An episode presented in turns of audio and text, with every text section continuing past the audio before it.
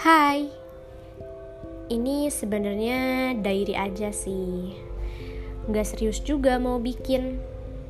Kayaknya aku bakal bikin podcast ini kalau aku mau cerita aja deh. Tapi nggak bakal tiap hari.